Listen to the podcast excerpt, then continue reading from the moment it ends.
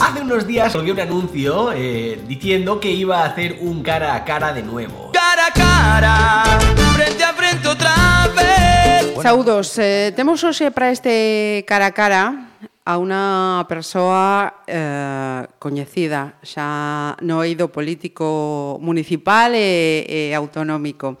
Eh, nesta nova corporación que ven de formarse o pasado fin de, de semana, el eh, xa non vai estar, non está, eh, pero sigue na política. Eh, vou presentar, que xo comezo a hablar e, e non paro. Lois Vara, benvido. Hola, bo día. Bo...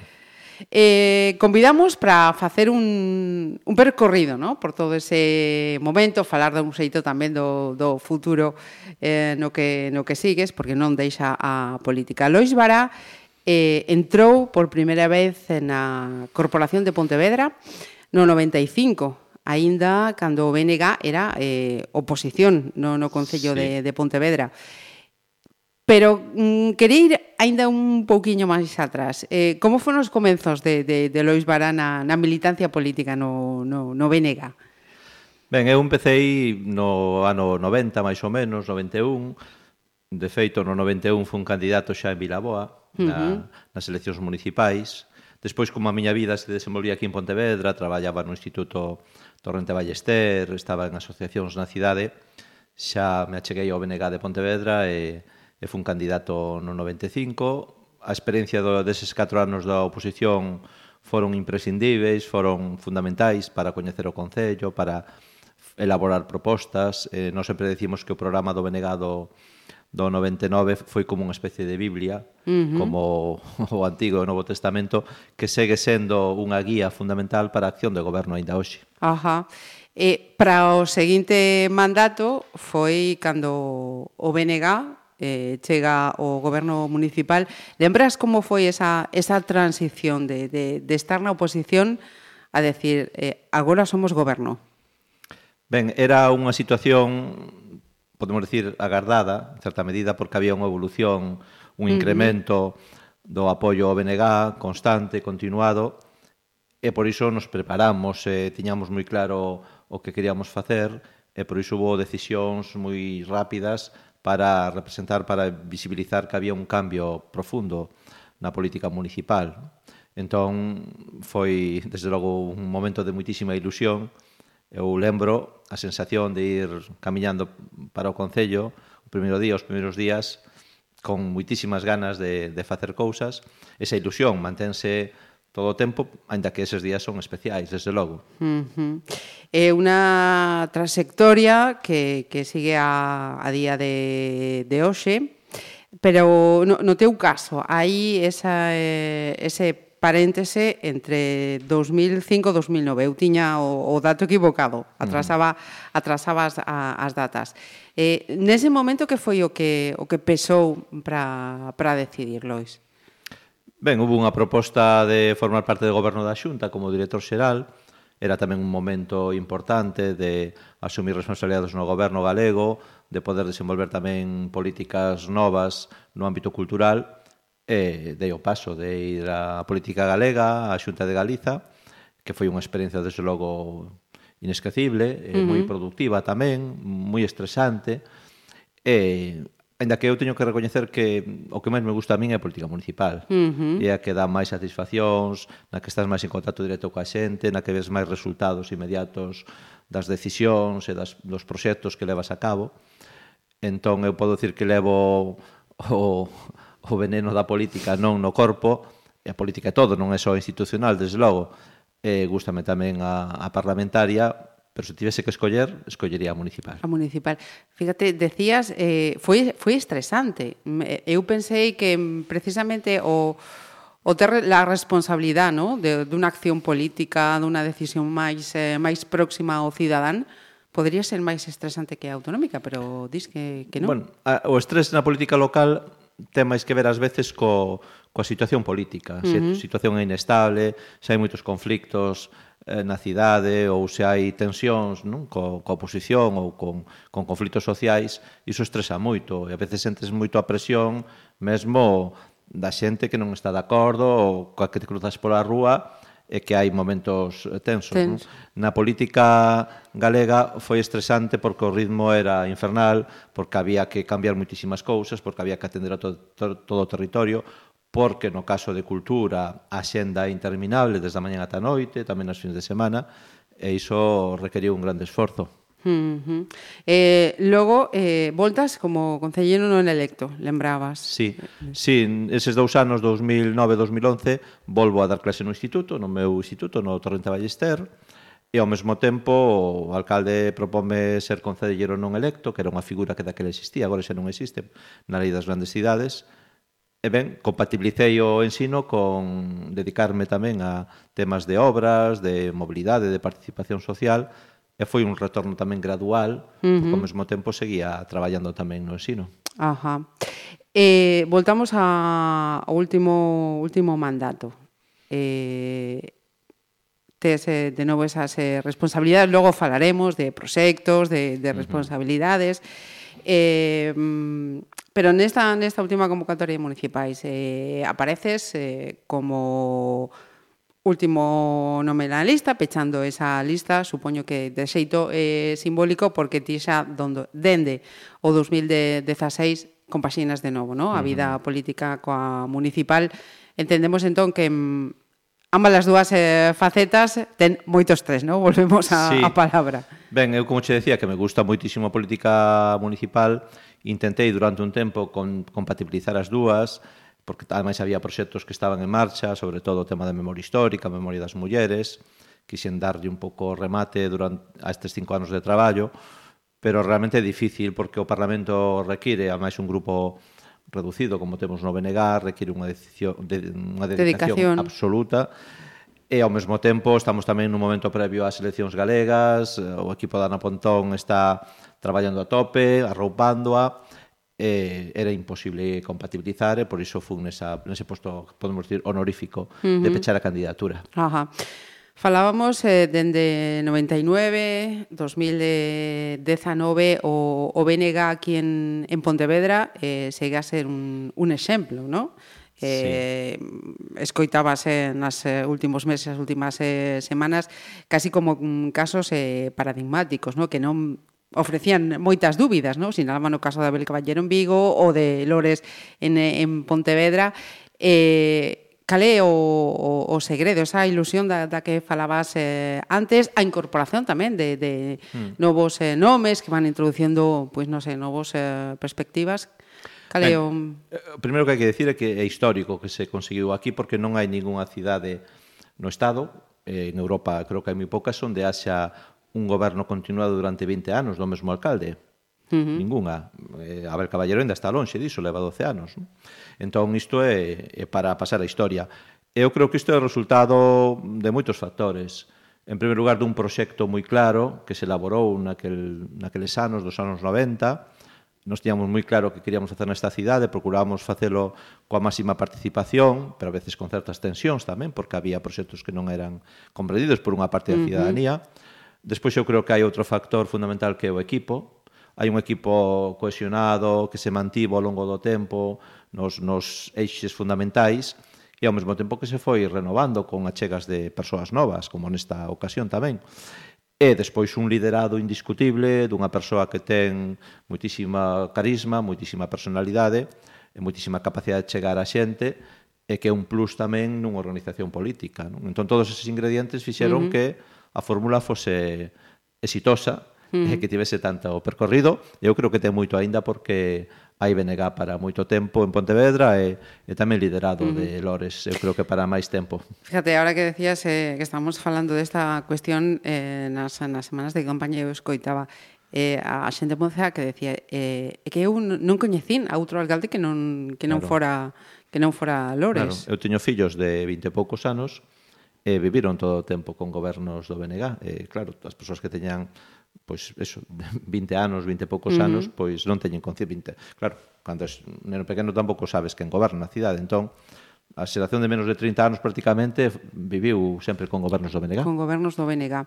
Eh, preguntaba por esa eh, presencia simbólica na, na lista do BNG nestas últimas eh, municipais. Eh, mirando as redes eh, sociais despois do 28, eh, algunas persoas preguntaban eh, que pasou co, co caso de Anxo Ribeiro, que tamén é outra muller que leva dende o 99 na, na corporación. En este caso, eh, imos tratar de, de respostar se, se é posible. Foi unha cuestión quizá de confianza, de pensar que eh, Anxos entraría na corporación, unha decisión persoal, esa intención de seguir renovando a, a mm. candidatura.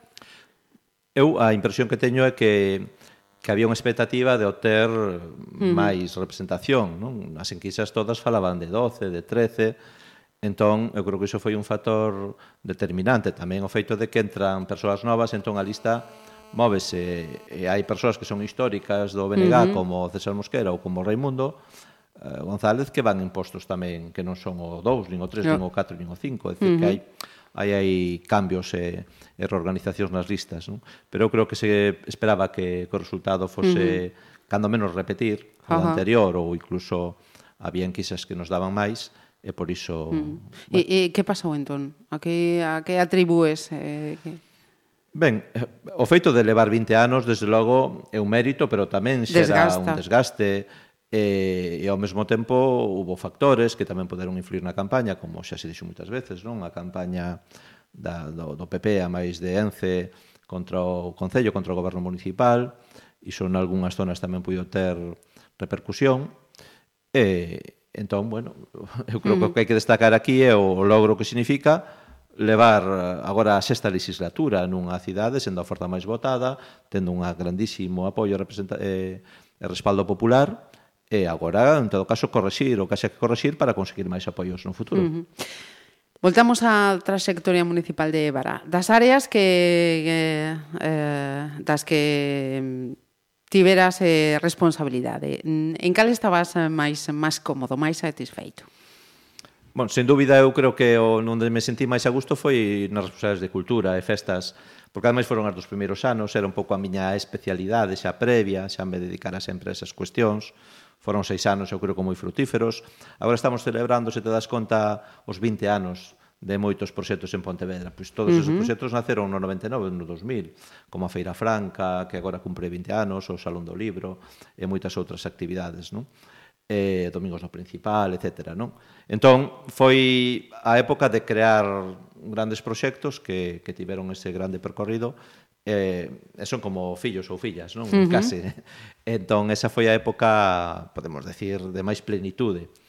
Ainda que despois fuma datando tamén a outras responsabilidades nas que se me sentín a gusto, gusta moito tamén todo o traballo que ten que ver coa participación social uh -huh. e desde logo os temas relacionados co patrimonio, coa memoria histórica son tamén unha das miñas grandes querenzas e onde me encontro máis a gusto. Uh -huh.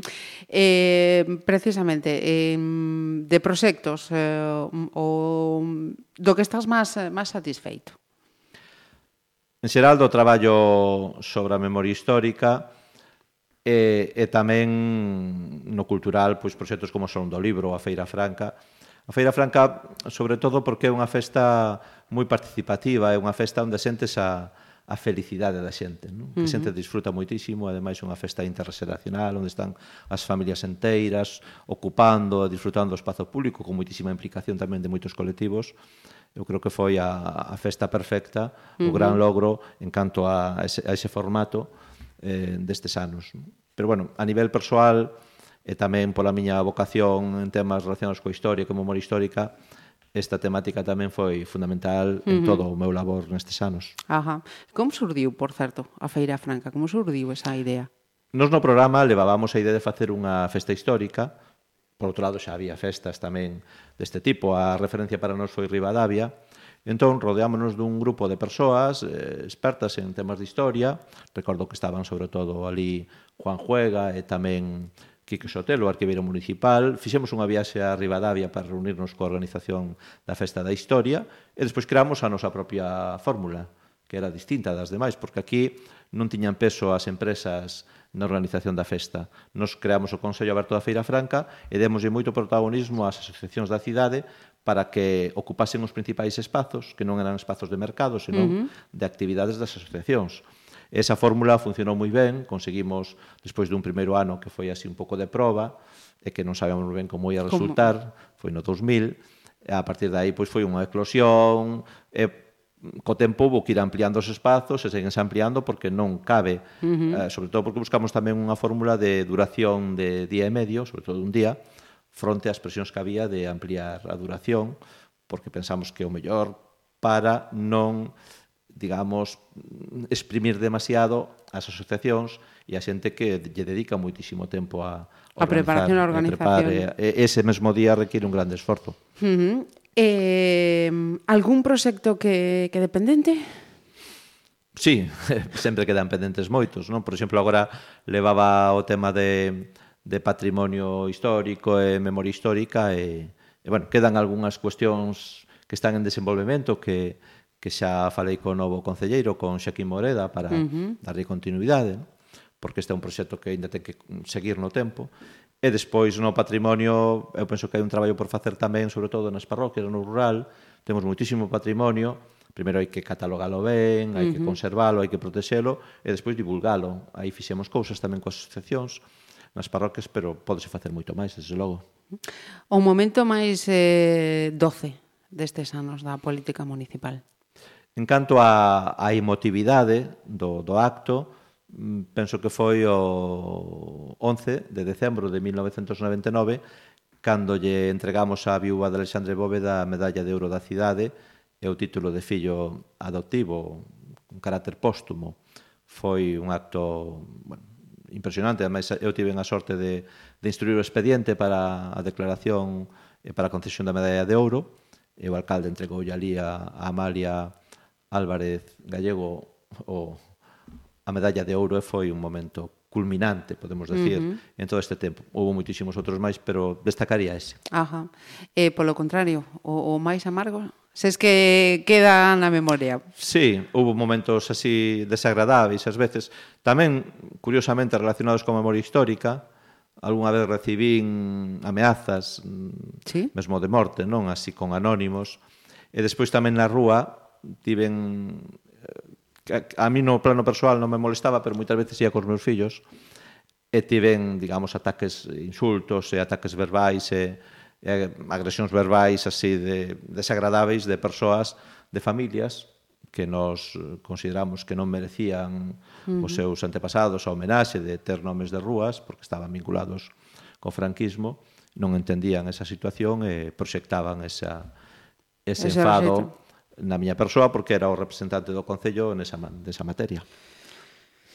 Eh, agora, eh, que queda pois eh, un ano para as eh, autonómicas, eh, imagino que hai traballo da bondo, non? No, no, sí. no que, que, no que, sí, que... o Parlamento en xeral xa requiere unha dedicación moi grande, xa che decía que no noso grupo somos seis, eh, eh, temos un reparto moi sobrecargado en canto a áreas e materias e agora co engadido de que hai que poñer todos os sentidos na campaña electoral, nas eleccións do 2020, Eh, penso que o BNG está nun momento de recuperación nas últimas eleccións, confirmado nas, sobre todo nas europeas e nas, e nas municipais. Uh -huh. Temos un, creo que un bo equipo, temos un liderado tamén moi potente na figura de Ana Pontón, E temos, logo unhas metas moi altas para estas eleccións e imos facer o traballo o mellor posible, con moito traballo tamén no territorio, en contacto coa xente, eh, coñecendo as demandas, as necesidades do país,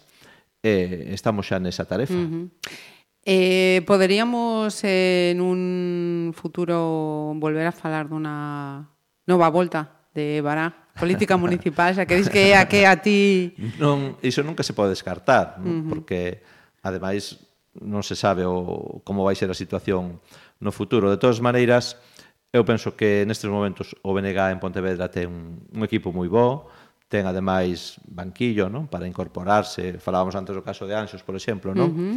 eh, pero hai máis persoas no, no equipo, e despois que mm, tamén hai que contar con que Lores, o alcalde, está pletórico e vai seguir por moito tempo, entón, eu non, non me vexo nesa volta porque, bueno, xa volví unha vez, uh -huh. agora non me vexo, sobre todo polo momento no que estamos na política galega, e porque penso que son máis útil agora no equipo de Ana Pontón, eh, non me vexo, pero tampouco digo que non, que poida uh -huh. ocorrer no futuro, non se pode decir que non nunca. Uh -huh. Pois eh, foi Lois Bará, nun breve de algún xeito eh, repaso pola súa trayectoria, aínda que seguiremos falando, seguro. Uh -huh. Moitísimas grazas unha vez máis. A vos. Esta noche tenemos cara a cara. Cara a cara, nos volvemos a ver. Cara a cara. Pontevedra Viva Radio. Oh.